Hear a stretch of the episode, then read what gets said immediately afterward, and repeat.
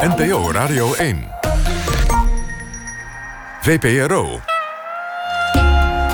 Nooit meer slapen.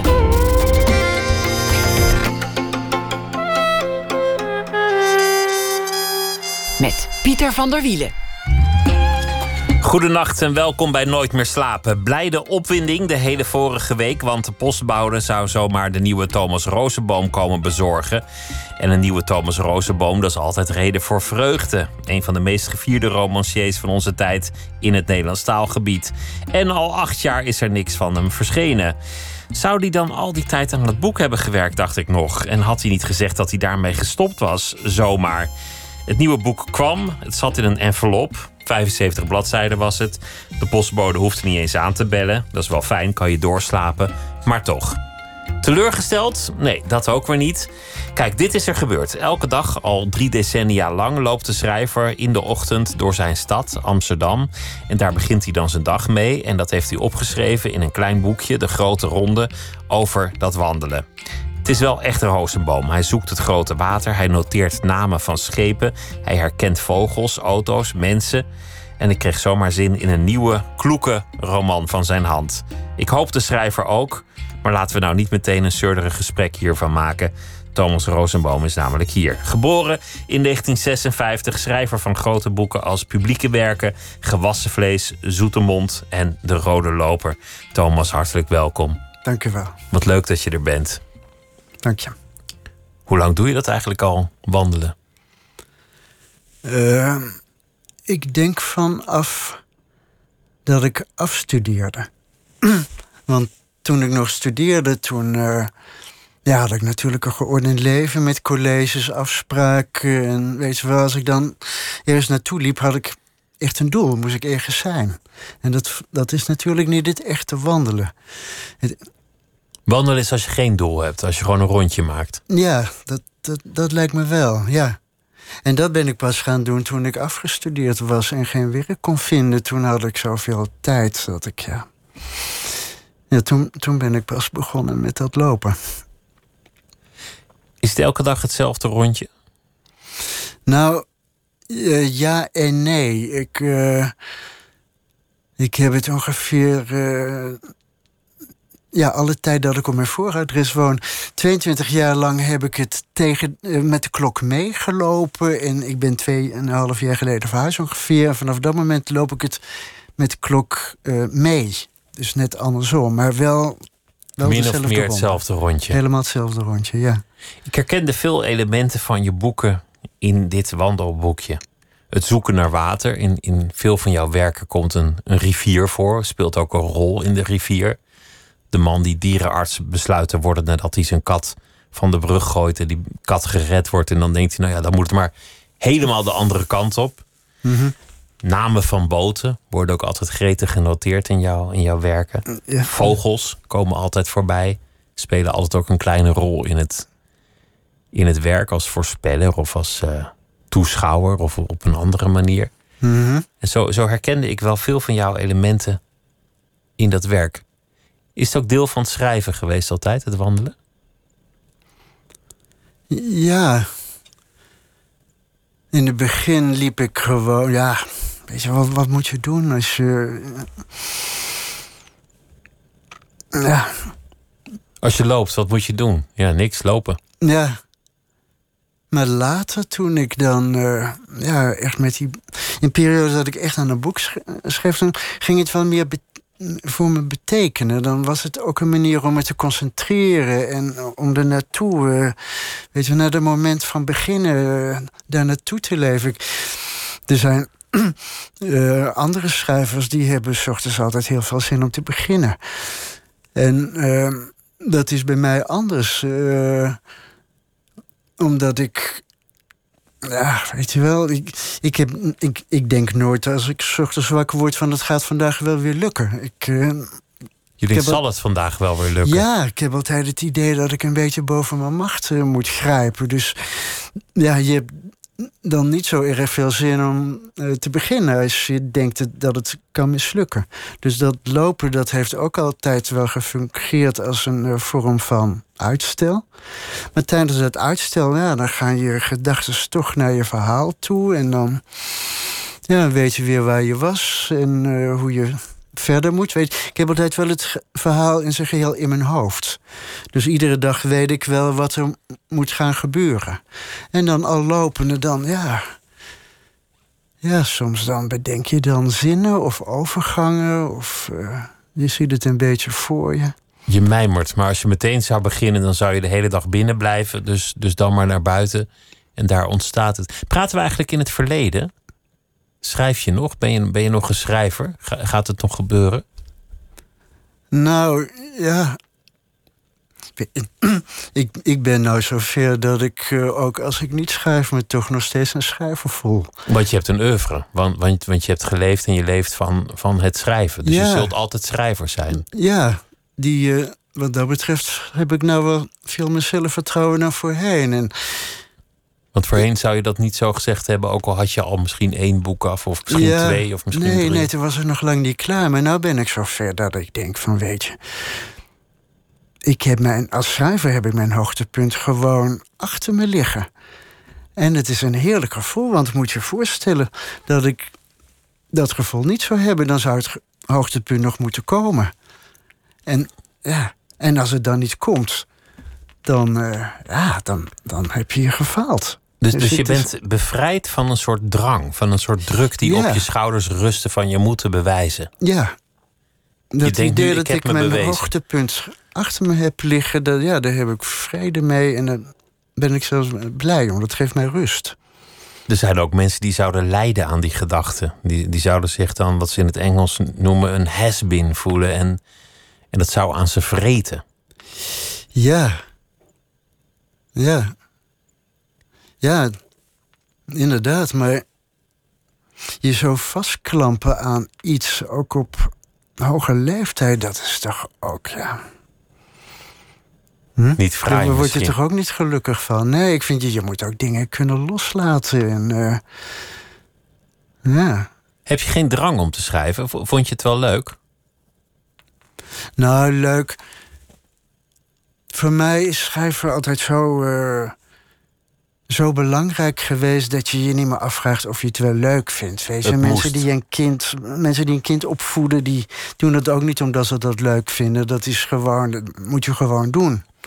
En zo was dat met het schrijven voor mij ook. Nee, het ging met grote uh, ja, spanningen gepaard, waar we net al iets over vertelden. Maar de voldoening, als het dan min of meer gelukt was, die was ook groot. Dus uh, ik ben wel ja, blij dat dit mijn leven is geworden. Er zijn romans waar je, waar je negen jaar aan hebt gewerkt. Andere, ja. andere zeven, vijf. Nou ja, dat, dat soort getallen. En dan, dan niet van ik werk negen jaar aan een roman en elke avond uh, een, een snabbeltje in het land. Maar echt werken. Echt elke dag. Liefst de hele dag. Of in ieder geval een ja. paar uur per dag. Ja, langer dan vier uur per dag gaat eigenlijk. Dan ben je wel dan ben je wel uitgeschreven. Maar toch. Ja, maar dan heb je ook gedaan wat je kon. En dan, eh, ja. ja, ik kan me dat achteraf ook niet meer voorstellen. Er is een boek geweest waar ik wel, ik denk wel acht of negen jaar over gedaan heb. En het was een historische roman. Ik had nog nooit eerder een historische roman geschreven. Dus ik wist ook helemaal niet of ik dat wel kon. En ook niet of, of de uitgever het zou willen gaan uitgeven. Weet je wel. en om dan toch iedere dag eigenlijk ja. Gewassen vlees was dat? Ja, ja, inderdaad. In de 18e eeuw? Ja, daar wist ik ook niks van af. Nee, dat is ongelooflijk. Als ik daarop terugkijk, dan. Uh... Ja, ik weet het niet. Dan heeft het ook iets.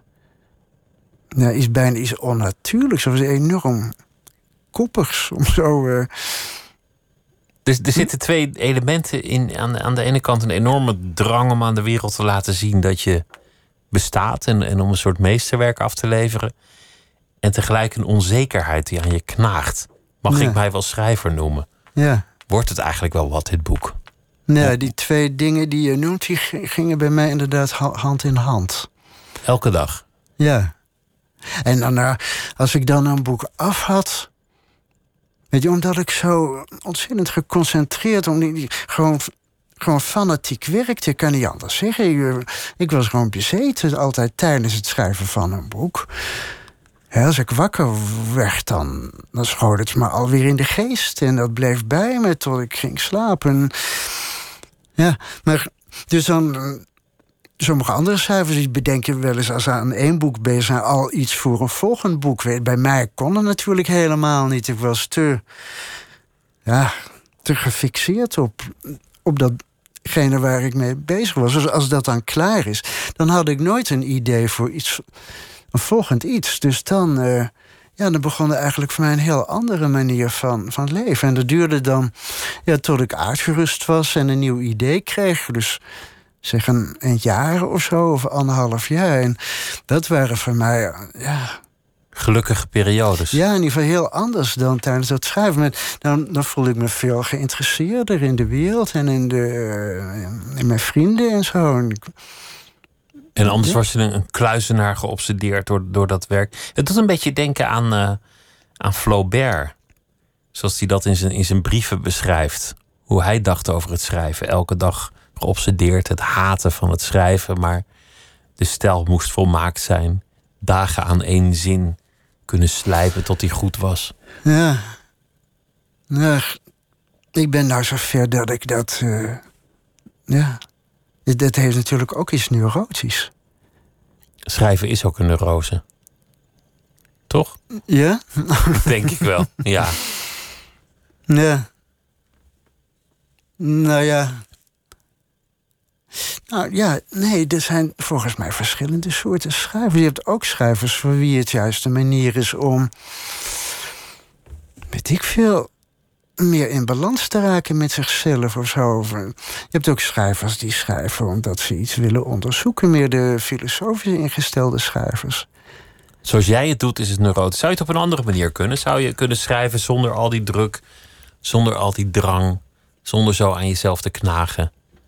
Nou, dat wandelboekje wat nou dan net uit is, dat heb ik natuurlijk op een veel ontspannende manier geschreven, omdat het geen roman is omdat ik ook niet meer het idee heb van als ik nou wat minder werk uh, aflever. Dat ik dan niet meer een, een, behoorlijke schrijver ben, weet je wel. Ik, ik ben wel nou, veel zekerder van, uh, ja, van wat ik waard ben, als ik dat zo mag zeggen. Dus daar heb ik wel, wel ontspannen aan gewerkt. Af en toe toch ook wel weer ja, die maagpijn gevoeld en zo, die dan voor mij hoorde bij het echte, echte schrijven. Maar niet in die mate van, uh, van vroeger. Nee. Het werd niet meer ongezond. Een beetje maagpijn, maar niet, niet, niet dat, dat het je opvrat, nee. die onzekerheid. Wanneer was het voorbij, die onzekerheid? Was dat zodra er prijzen kwamen en verkoopcijfers, of duurde dat nee, langer? Nee, nog niet. Nog wel langer, hoor. Want je noemde net een boek... Uh, gewassen vlees. Dat was een die hele dikke, was mijn derde boek. En daar kreeg ik de Librisprijs voor. Maar daarvoor had ik ook al een, een, prijs gekregen. Het ging eigenlijk nooit, nooit echt slecht met mij. Vanaf het begin niet. Dus ja, en toen ben ik aan publieke werken begonnen. En dat had ik dan op een gegeven moment af. Maar helemaal niet met het idee...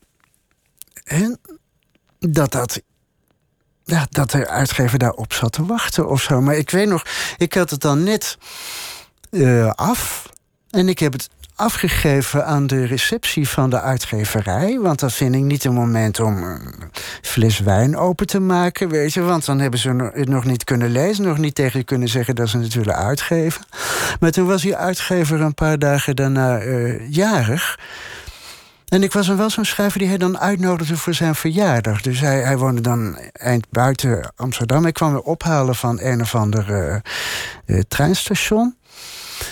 Nou ja, dus ik ging in die auto zitten en nog iemand anders uit Amsterdam waar ik kwam, die was ook met die treinen dat treinstation gaan, die stapte ook in en zo reden we dan zo door en het ging over het landschap en uh, ja, en toen zei hij op een gegeven moment tegen mij trouwens, wat jouw nieuwe manuscript betreft, ik zit te denken aan een omslag zus en zo. En toen dacht ik, dat betekent dat hij het wil gaan uitgeven. En dat vond ik zo fantastisch nieuws. Ik kon de vreugde bijna niet voor mij houden. zelfs op dat punt dat je al een Libris had gewonnen, dat, dat je al een aantal succesvolle boeken had geschreven, dacht je nog: gaan ze dit boek wel uitbrengen? Terwijl, het, terwijl het later uh, bejubeld is. Dat boek. Ja, inderdaad. Maar daarvoor was ik ook al in het Duits vertaald met een paar boeken. Ook bij Soorkamp, weet je wel. Het was een hele gerenommeerde uitgever. Het was niet zo dat ik... Ja, nee, dus het heeft bij mij heel lang geduurd voordat ik door had... Uh, ja, dat het er wel mocht wezen. Dat je een schrijver was. Ja. En je eerste, je eerste recensie was oh. gek genoeg meteen vernietigend. Je werd meteen weggestuurd uit de wereld van de literatuur. Jaap Goede Geburen was volgens mij de recensent. Ja, ja. En, en die, die, die, die maakte je meteen af.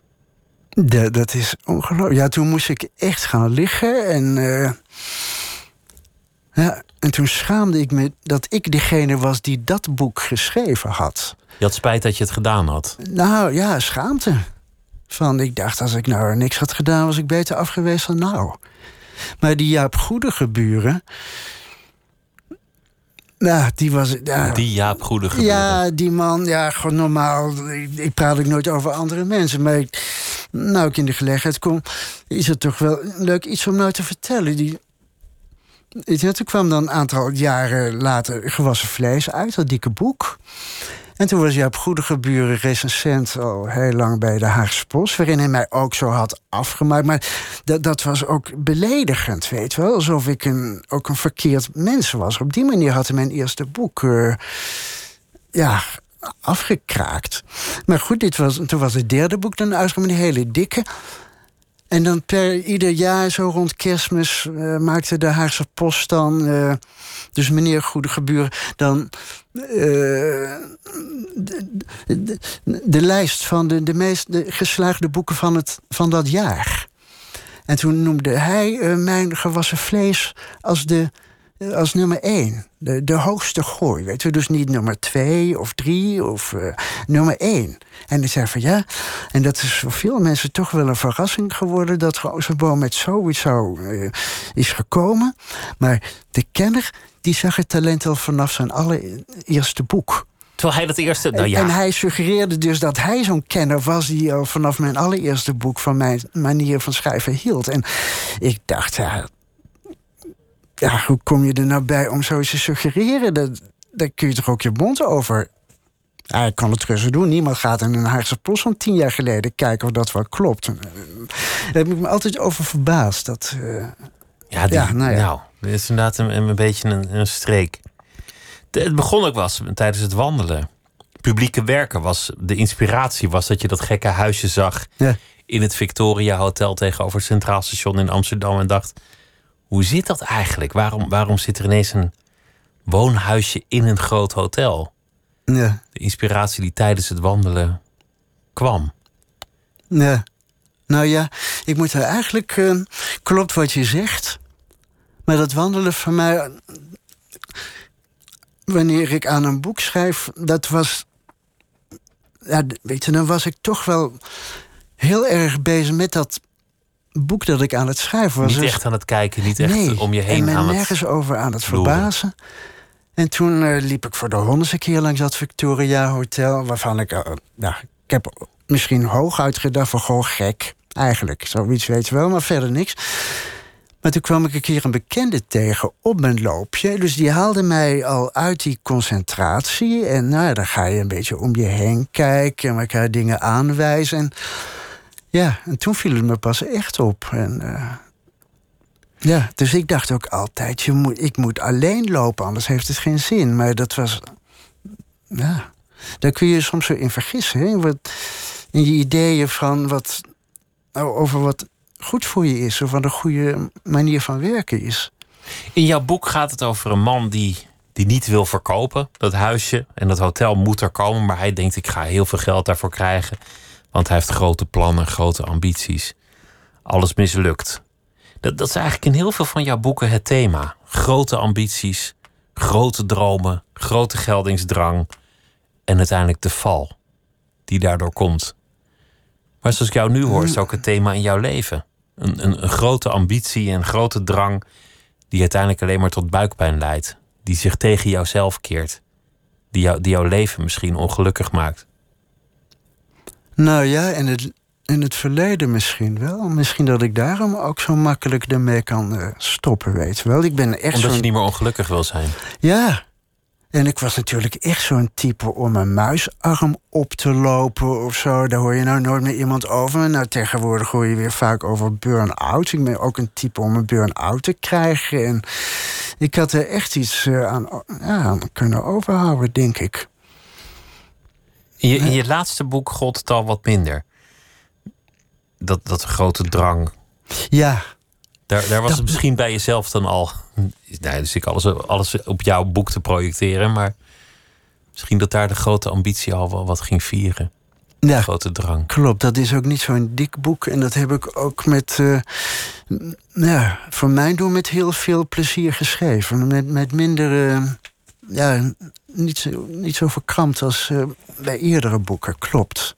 Kun je bij jezelf verklaren waar die eeuwige onzekerheid en die eeuwige drang om te bestaan vandaan komt? Heb je er wel eens over nagedacht?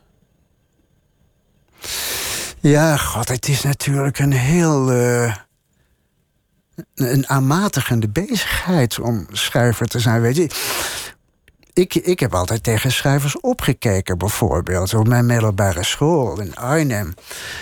Weet je, daar, kwam wel eens een schrijver op bezoek. En die stond dan op het podium in de aula voor te lezen. Dat waren niet eens grote beroemdheden, maar dan nog een week later. Dan kon ik mijn hand zo op die planken van dat podium leggen. En daarop stond die man. Ook al had ik nog nooit van die man gehoord. Ik wist wel, dat is een schrijver. Dat waren voor mij. Daar had je meteen ontzag voor. Ja. Dat heb ik vanuit mijn jeugd wel. Uh, weet je, in de zomervakantie dan. Ja, dan zeg als ik 13 was, zoiets, 12, 13, 14 ja, dan werd mijn haar wat langer en dan kleedde ik me, weet je, een beetje hip, zal ik maar zeggen. En dan zei mijn vader wel van, dan, je moet je niet zo kleden, want zo lijkt je wel een kunstenaar. Kunstenaars kleden zich zo, maar je bent helemaal geen kunstenaar. Dus toen werd mij verteld eigenlijk van dat je artistiek kleden zonder artistiek te zijn net zoiets is als een. Uh, heet dat, zo'n uh, aantrekken zonder priester een soutane aantrekken zonder dat je priester bent. Weet Dan ben je een soort parvenu eigenlijk. Ja, ja je moet het wel. Uh, ja, voor bepaalde kleding moet je. dus jouw vader zei eigenlijk: ken je plaats. Ja. Maak je toch niet zoveel illusies? Ja, klopt. Dus ik heb ook altijd heel veel moeite gehad om het woord kunstenaar te gebruiken. Weet je wel, na drie boeken ja, ging ik wel zeggen, als iemand vroeg wat, wat doe je, dan zei ik wel, ik ben schrijver. Maar ik, ja, het woord kunstenaar vind ik ook, ook als je schilder bent, kunstschilder, dan weet je wel of het kunst is, dat is eigenlijk aan anderen om te beoordelen. Maar stel dat, dat is met mijn werk eigenlijk ook. Ik schrijver, oké, maar of het nou echt literatuur is. Stel dat je dierenarts was geworden, was je dan ook een onzeker man geweest? Nee, dat denk ik niet, want dat kun je gewoon. Uh, kun je leren en dat kun je leren. doen. Ja. Dat is natuurlijk uh, anders dan. Ja. Je schrijft in je wandelboek dat je je toch altijd een buitenstaander bent blijven voelen in Amsterdam. Zelfs na al die jaren. Dat, dat je toch, toch uit de provincie komt. Dat je toch ja. een, een uh, katholiek jongetje. Ik weet niet of je dat ook schreef, maar.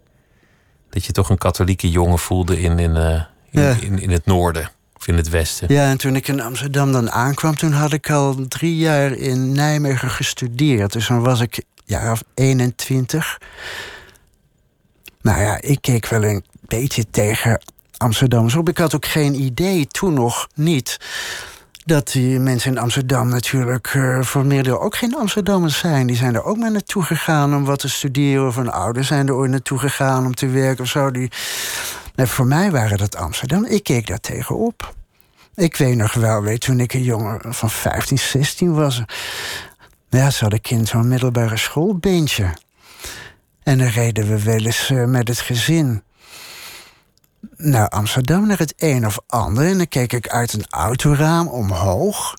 En dan heb ik wel eens een jongen met een gitaar voor een raam zien staan. Zo'n verlicht raam, weet je wel, in de avond. En dan dacht ik gelijk, ja, die jongen die kan veel beter gitaar spelen dan ik. Dat was een voorkomen.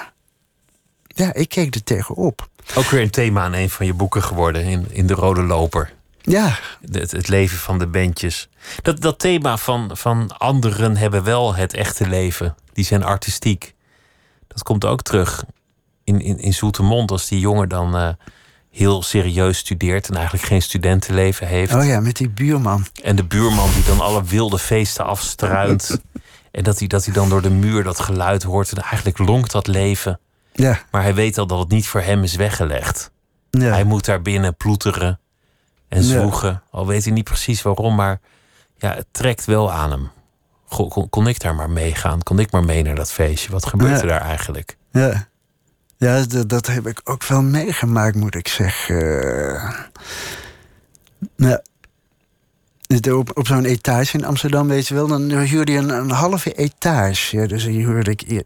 Eerst woonde ik, deelde ik die etage met iemand anders. En toen kwam er een jongen wonen, andere jongen, dus een buurjongen van mij. Ja, en die, uh, die had net de toneelacademie afgerond. En die. Ja, en ik was gewoon een student. Maar, en hij wilde graag, uh, want dat had ik nog niet, hij wilde graag samen met mijn telefoon. Dus ik zei, nou, is goed. Dus toen hebben we samen een telefoon. Eén, één telefoonnummer hadden we en één rekening. Maar er werd altijd alleen maar voor hem gebeld. Want ik geloof dat mijn vrienden hadden ook. Die maakten niet zo vaak gebruik van de telefoon. Hij was net een stapje verder. En uh, weet je, hij werkte al en zo. Ze bestond niet echt. Nee. En als de bel ging, dan. Uh, dat was dan ook ja, voor mij één keer bellen en bij hem twee keer bellen. Dus als dan de bel ging, dan sprong mijn hart op. Ik dacht bezoek. Weet je, dat was nog in de tijd dat mensen onaangekondigd bij elkaar op bezoek gingen. Daar, hey, bezoek. Maar dan ging daarna ging de bel nog een keer, was twee keer was het voor hem. Ja. Is, is dat ooit veranderd? Sta je nu in het leven? Sta je nu in een soort sociale kring? Nou, inmiddels niet meer. Dat is wel gekomen. Uh, ja, van, ik denk vanaf mijn veertigste of zoiets. Of 45ste toen. Uh, ja, toen voelde ik me. En toen had ik ook wat collega's leren kennen, zo vriendschappelijk op de uitgeverij. En toen.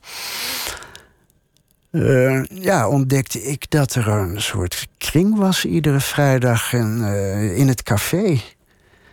En daar ging ik dan wel naartoe. Ik dacht, ik kan wel thuis een fles wijn opdrinken, maar ik kan ook naar dat ene café gaan. En er zijn mensen die ik ken en die vinden het best leuk als ik er ook bij ben. En uh, ja, toen ja, heb ik een paar keer gedaan. Dat vond ik heerlijk. Om en deel toen, uit te maken van iets, van, van een ja, groep. Ja, dat heb ik jarenlang gedaan. Daar ben ik pas sinds een jaar of vijf mee gestopt. Waarom ben je gestopt? Om, omdat er andere plekken leuker waren? Nee, omdat anderen ook stopten. Dat, uh... Het viel uit elkaar. Ja. Weet je wel, de een kreeg kinderen en de ander kreeg gezondheidsproblemen. En een derde die ging in een andere stad wonen. En, uh... Ja, dus net die mensen op wie ik gesteld was, die hielden er zo langzamerhand wat meer op. En uh... ja. Toen werd het weer de fles wijn alleen. Nou, nee, toen. Uh, maar ik ben nou gelukkig getrouwd. Dus ik heb nou een gewoon huiselijk, huiselijk, huiselijk leven. Ja. Misschien is dat ook wel de reden waarom die drang minder is geworden. Dat je daar bent gaan richten. Ja. Op, op gewoon gelukkig zijn met iemand. Ja. Op het leven leven. Ja. En ik denk dat zij in mij wel een schrijver ziet. Maar ik denk niet dat zij in mij meer een schrijver gaat zien als ik nog een nieuw boek uitbreng. Dus. Uh... Ze vindt je zo ook wel leuk, ook, ik denk ook het, zonder een nieuwe. Ik denk het, ja. Zullen we luisteren naar muziek die jij hebt meegenomen van Neil Young? Nou, graag. En dat is een van, een van zijn mooiste liedjes. En dat, uh, dat gaat over uh, een, een, boerderij die hij ooit kocht. En, Ach. en daar woonde een oude man ergens op het erf. Ach, ja. En die kwam met de boerderij. Dus hij mocht, hij mocht de range kopen als hij de oude man liet zitten. En uh, daar kwam een vriendschap uit. En het nummer heet Old Man.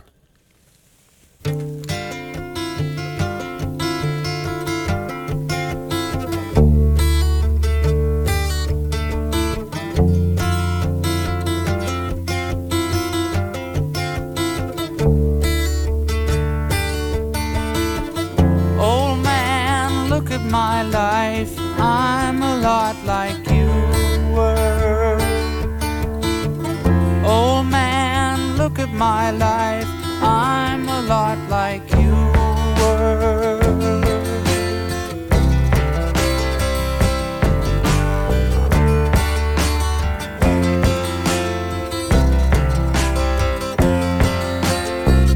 Old man, look at my life.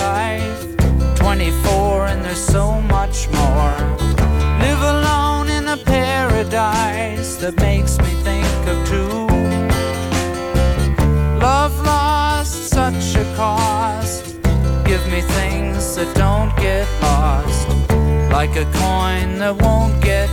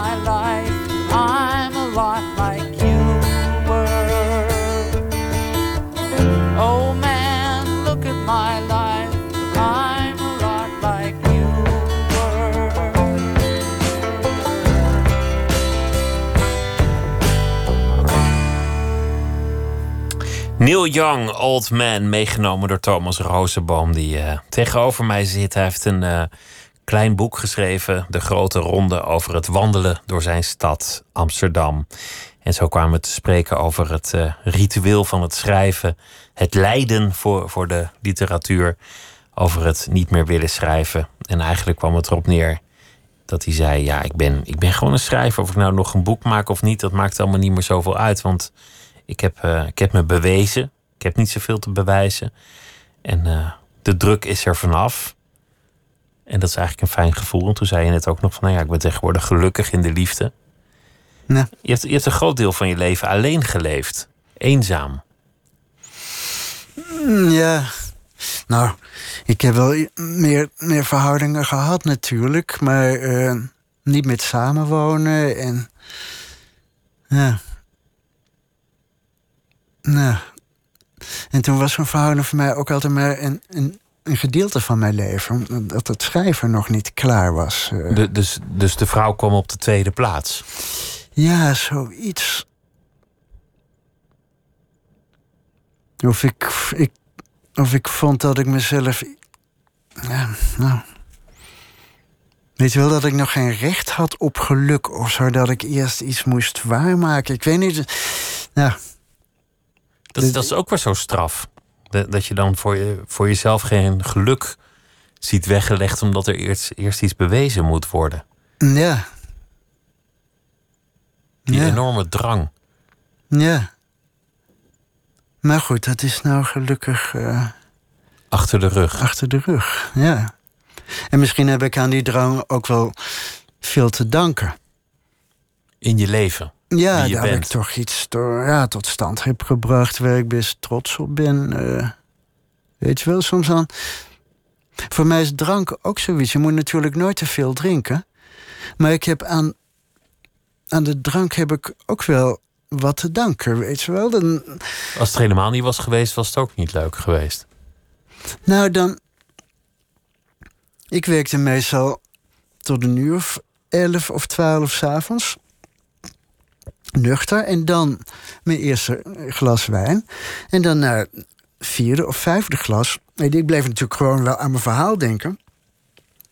Dan, dan, raakte ik in een lichte euforie. Ik dacht, verdomme, maar het kan ook zo doorgaan. En eh, of als ik dan terugdacht aan scènes die ik al had... ik dacht, het is toch eigenlijk wel, toch wel heel uitzinnig. En weet je wel, dan, dan dacht ik, het, het zou wel eens een fantastisch boek kunnen worden. En dank, dankzij die paar glazen wijn die ik dan op had.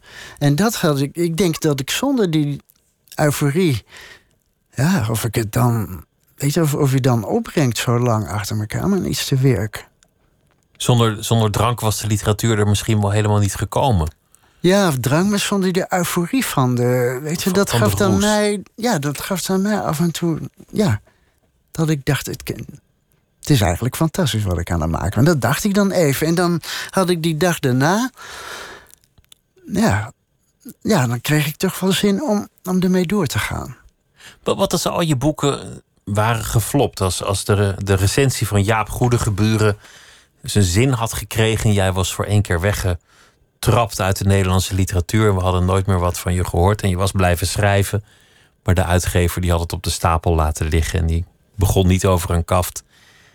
Was je dan een boze man geworden? Ja, ik heb er inderdaad wel eens aan gedacht. Uh, Nee, nee, misschien helemaal niet. Misschien was dat voor mij persoonlijk wel veel beter geweest. Want dan had je geweten dat... het, dat het er niet was en dan had je het kunnen opgeven. Ja, dan zou ik een baan hebben moeten nemen natuurlijk. En dan, ja, bijvoorbeeld leren op een middelbare school. Ik had Nederlands gestudeerd, dus ik dacht toen ook nog dat dat het enige is wat je met die opleiding kan doen. Dus stel aan een middelbare school, uh, leraar. En dan heb je, heb, je, heb je collega's. Weet je wel, schrijven heb je ook wel collega's, maar niet in de zin dat je, dat je samenwerkt. Maar dan, dan ben je, weet je, samen een team of zo. En ja, collegialiteit, dat heb ik eigenlijk nooit zo gekend. Was dat wel een behoefte om een plek te hebben waar je naartoe zou gaan en waar je dan taart zou eten omdat iemand de verjaardag viert? En... Ja, ik heb daar altijd uh, ja, hoge dunk van gehad. Dus als, dat, als ik dan ook een, een baan had moeten uh, zoeken en aannemen. Ja, daar had ik collega's van. Dan zou ik misschien ook al veel eerder zijn getrouwd. Misschien al wel. Weet je, het is helemaal niet raar om op je dertigste of veertigste te trouwen natuurlijk. Maar ik was zo fanatiek bezig en ik kwam nooit van die. Uh... ja, ik kwam. Ik kwam natuurlijk vaak café-mensen tegen. Café-mensen? Ja. Wat zijn dat voor mensen eigenlijk?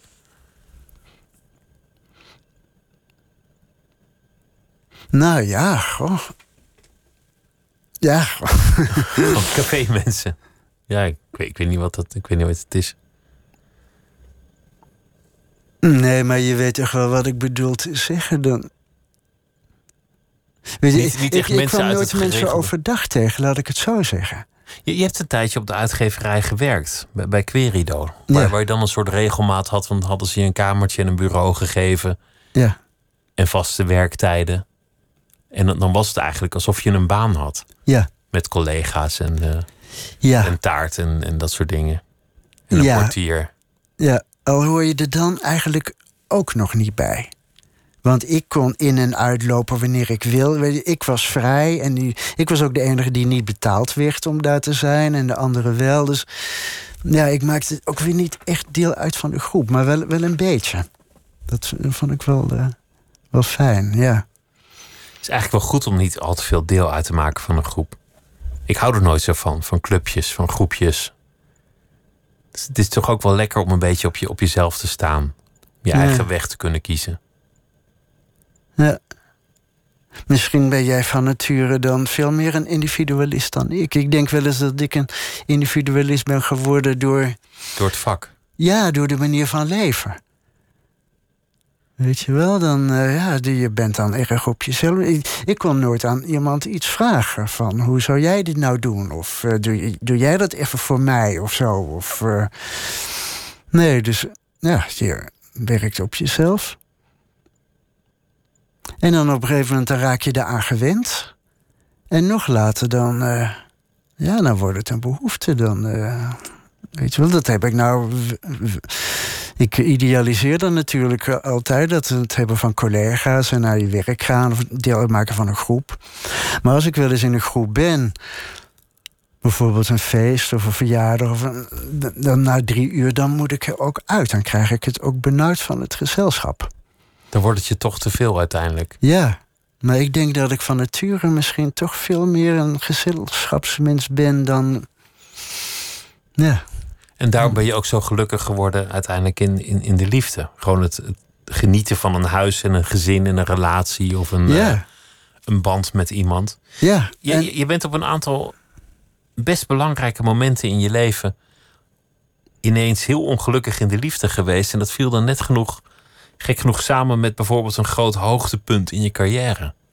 Het winnen van de Libris dat dan bijna gelijk opging met het verbreken van een relatie. Ja, dat was de eerste keer dat ik die prijs kreeg, ja. Dus dan heb je en liefdesverdriet en grote euforie omdat je echt op het hoogste podium wordt gehezen. Ja, dat ging toen eigenlijk uh, voor een groot deel langs me heen hoor. Die, uh, die vreugde. Ik was helemaal van streek door die verbroken verhouding. Dat, dat, had ik ook niet zien aankomen. Het is eigenlijk raar dat, dat dan de literatuur voor de liefde gaat, maar als je dan aan de kant wordt gezet of als de relatie wordt verbroken, dat dan dat verdriet groter is dan de euforie om die grote prijs. Ja, dan kan de. Dan is toch het ander weer belangrijk. niet vervangen. Nee, inderdaad. Dus eigenlijk is de liefde dan misschien toch belangrijk. Ja, dat denk ik zeker. Maar ik was zo'n type die dacht: ik kan pas liefde krijgen als ik eerst literatuur heb gegeven, zoiets. Eerst moet Alsof je ervoor moet betalen. Ja, heel stom. Maar ik denk dat ja, dat zoiets voor mij wel een rol heeft gespeeld. Je groeide op in Gelderland op verschillende plekken. En je, je vader had een, had een garagebedrijf. Ja. En, en je vader die zei: Ja, maak je niet te veel pretenties. Probeer maar niet uh, je bij de artistiekelingen te voegen, want daar hoor je helemaal niet bij. Een katholieke opvoeding. Eigenlijk is het wel raar dat je bent gaan schrijven. Want je ging Ja. in Nijmegen aanvankelijk psychologie studeren. Ja, Hoe, Ja. hoe, hoe is dat gegaan? Dat je, dat je toch, toch het niet kon laten om te gaan schrijven? tja. Oh. Ik, ik weet het, ja. Ja, je wil natuurlijk dat worden wat je in anderen bewondert. Ik, ik had een. ja. Omdat je op school die schrijvers had gezien en dacht van... Oh, Ja, dat, en- dat zijn bijzondere ja. mensen. Het heeft bij mij vrij lang geduurd voordat ik erachter kwam dat, dat schrijvers eh, ja, echt iets maken. Je wel? Ik, ik hield heel erg van Toon Kortooms als jongen van 12 of 13, schat. Ik weet die humoristische streekromans. Maar ik had niet het besef.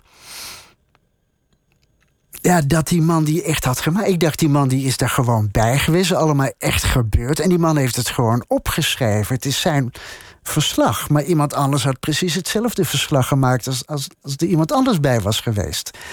En, en pas ja, later.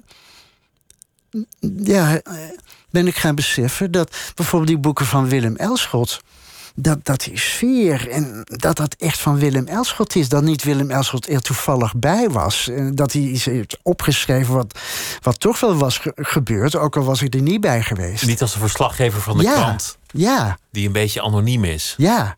En vanaf die ontdekking, dat, dat, ja, voor mij gebeurde dat bij Willem Elschot.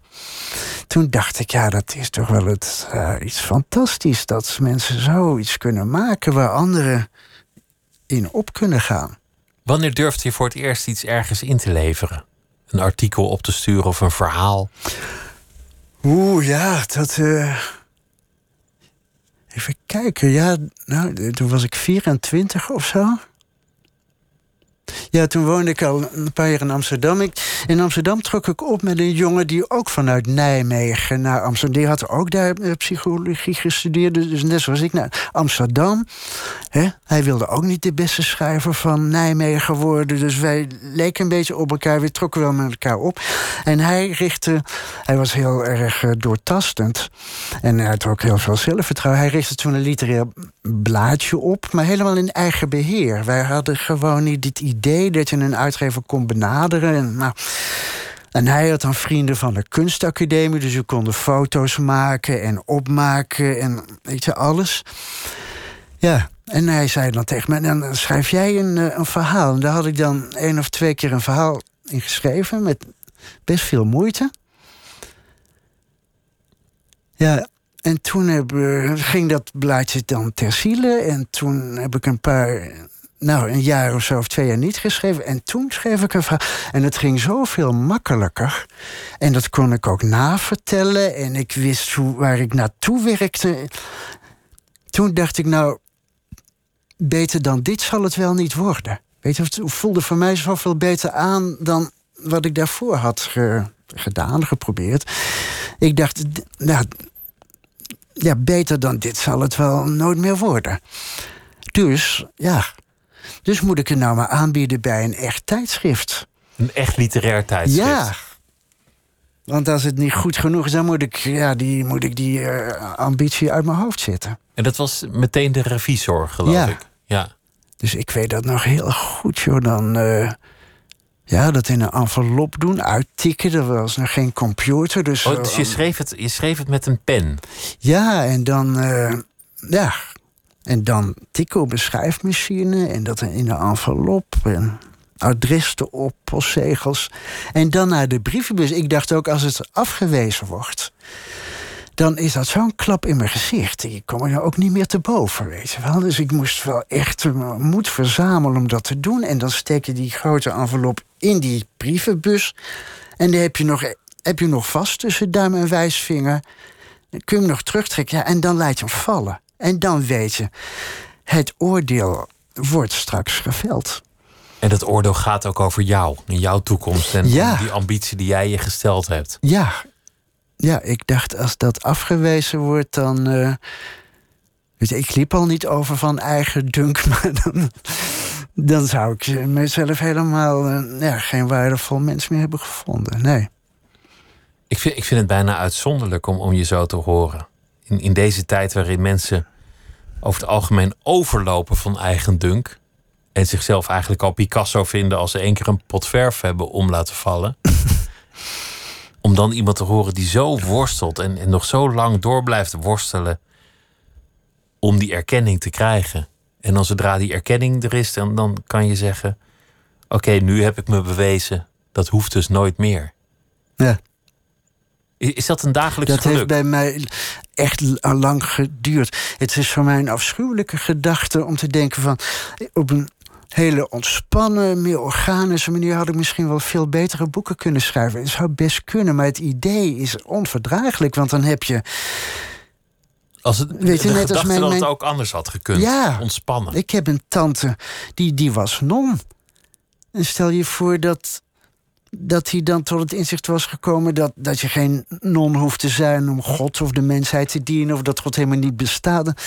Dat je daar op je zestigste jaar achter komt, dan heb je je hele leven ja, weggegooid eigenlijk. Dus dat zou voor mij ook heel, uh, heel vervelend zijn. Maar ja, ik denk dat ik aan dat fanatisme wel iets te danken heb gehad, maar dat het ook wel minder had gekund.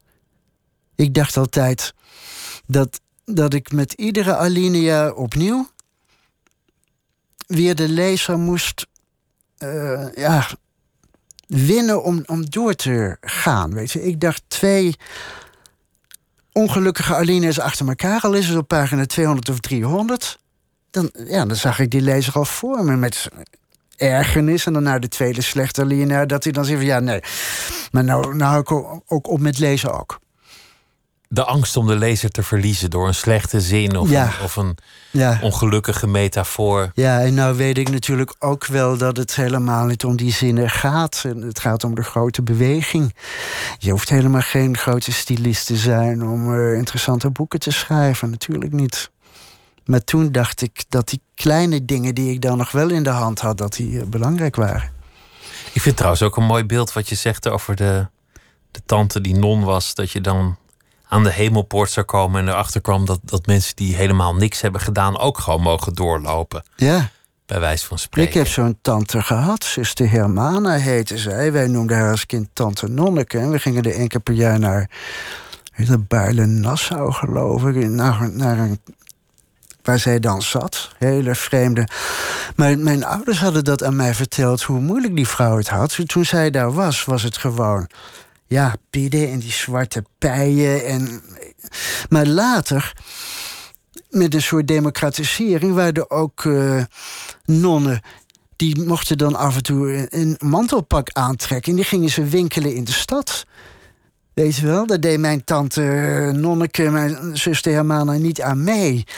Maar dat mocht dan van de leiding. Dus er ging iets open wat tot die tijd gesloten was geweest. Onrechtvaardig. Nou ja, mijn ouders zeiden dat het voor tante Nonneke eh, heel moeilijk was. Want die, die had als het ware, die was al ouder, die, die had al dat offer gebracht van in dat afgesloten kloosterleven.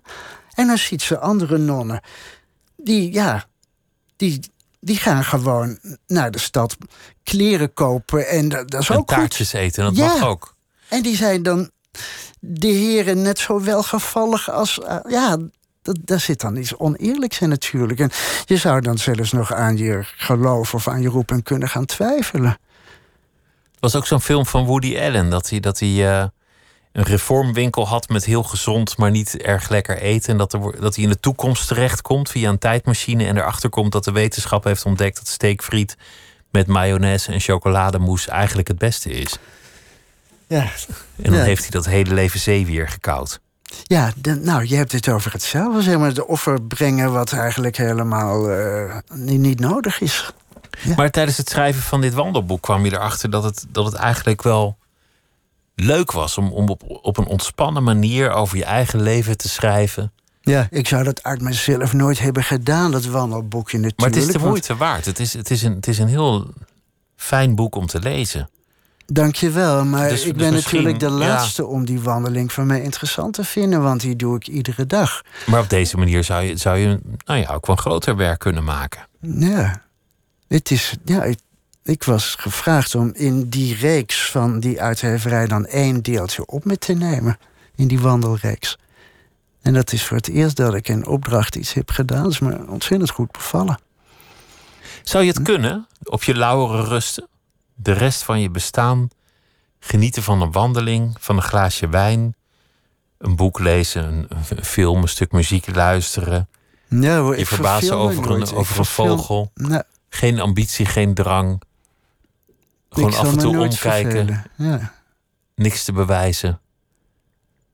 En zo de dagen voorbij laten gaan. Zou, zou, zou je dat echt kunnen? Of zou er toch ergens dan een, een, ja, een gemis ontstaan?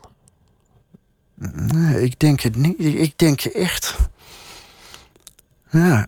Je hele leven de teken van ambitie en dan uiteindelijk blijkt dat, dat je het eigenlijk heel goed zonder kunt. Ja, maar dat. Als je naar sporters kijkt. Dat is een mooie ik vergelijking. Ik denk hoe, hoe succesvoller een sporter, hoe makkelijker die kan stoppen. Want die, ja, die heeft bereikt wat hij gedroomd had. Dat, dat geldt voor mij ook een beetje. Zoals je Michael Jordan met zijn glaasje whisky ziet zitten. En denkt, ach, die, die man is gewoon tevreden nu. Ja. Het is gewoon goed. Ik denk ook wel eens aan die sporters. Aan gestopte sporters, als je daar denkt, dan denk je altijd aan die mensen die er nog wel eens als analist op de tv komen, weet je wel. Die, eh, die, die erkenning blijven genieten.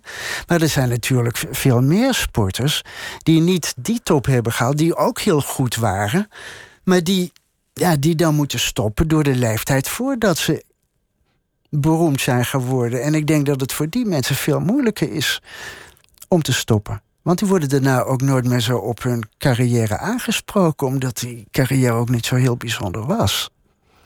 Als je dan nu zo lang hebt geschaafd aan je boeken en je, en je pakt er een op. Lukt dat dan? Kan je het lezen met tevredenheid nu de, nu de tijd eroverheen is geweest? Of zit het je toch dwars? Krijg je dan toch, toch jeuk om iets te veranderen? Zoals David Bowie nooit zijn eigen muziek kon horen omdat hij alleen maar de, de slechte noten dacht te horen. Is dat zo? Ja, ja maar. Ja. Hoe is dat voor jou? Uh, nou, ik heb laatst ja, toen iemand had een scriptie over een boek van mij eh, was die persoon mee bezig. Die had een paar vragen. En toen ben ik, uh, ja, om die te kunnen beantwoorden, erin gaan lezen. En dat boek heb ik met heel veel plezier gelezen. Dat was mijn laatste, De Rode Loper. Maar een paar jaar geleden heeft iemand anders, dat klinkt heel opschepperig. Maar dat mag wel. Een proefschrift over gewassen vlees geschreven. En toen dacht ik, en ik ben toen helemaal niet gewassen vlees gaan lezen, maar in dat proefschrift stonden nogal uitvoerige fragmenten. En toen dacht ik, hoe bestaat het dat ik dit heb durven publiceren? Weet je wel? Had je dan helemaal geen. Schaamde je nergens voor? Toen leefden mijn ouders zelfs nog. Ik dacht, hoe, hoe heb je dat durven doen? Ja. Toch nog schaamte over, over zo'n geprezen boek. Het is toch ook wonderlijk dat iemand promoveert. Dan is hij toch vijf jaar van zijn leven bezig. Misschien nou ja, nog niet zo lang als jij over het boek hebt gedaan, maar toch een gouden helft. Ja. ja. En met het lezen ervan, dan, dan heb jij toch iets beters gedaan. Jij hebt het tenminste nog geschreven. Ja. Ik wil niet oneerbiedig doen over het Neerlandistiek, maar als je moet kiezen tussen promoveren op andermans boeken voor zelf inschrijven, zou, zou ik toch altijd voor het laatste gaan. Ja, maar goed, die wetenschapbedrijven, dat is natuurlijk weer iets heel anders. Dan, uh, je kan natuurlijk. Uh, ik, ik, moet dan ook niet denken van als dat over mijn boek gaat, dat mijn boek dan zo belangrijk is. Weet je, ik, word dan wel eens door fotografen gefotografeerd, door professionele fotografen. Soms als je een nieuw boek uit hebt, dan gebeurt dat wel eens. Maar dan moet je niet denken dat die mensen jou zo belangrijk. Die zijn bezig met het licht. Met hun werk, met de lens, met de... Ja, die zien jou. Ja, die zijn ook helemaal. Je bent een klus. Ja, die hebben ook helemaal niet de bedoeling om jou uh, er goed op te leggen op een flatteuze manier. Weet je wel, die willen gewoon een goede technische. En dat geldt voor zo'n promovendus ook. Ja. Het gaat niet over jou nee, of over dat je is boek. een proeven van wetenschapsbeoefening. Hij had ook een, zijn studie kunnen schrijven over, over een ander boek. Dat, ja, of je nou een koeienoog of een varkensoog snijdt, het werk blijft hetzelfde. Dat denk ik, ja. Ik voel Thomas. me wel gevleid, maar ik kan het ook wel relativeren. Ja. Ik hoor het. Wat leuk dat je, dat je langs wilde komen. En uh, wat fijn dat er toch weer iets van je te lezen is. De Grote Ronde heet dat boek. Over uh, een wandeling. Boekje is het eigenlijk. Ja. Thomas Rosenboom, dank je wel dat je hier wilde zijn. Graag gedaan, dank je wel. En uh, morgen in Nooit meer slapen, dan zit hier Adse de Vriese. En die gaat praten met uh, beeldhouder Pepe Grégoire. En dat is uh, morgen. Voor nu een goede nacht. Op Radio 1, het nieuws van alle kanten.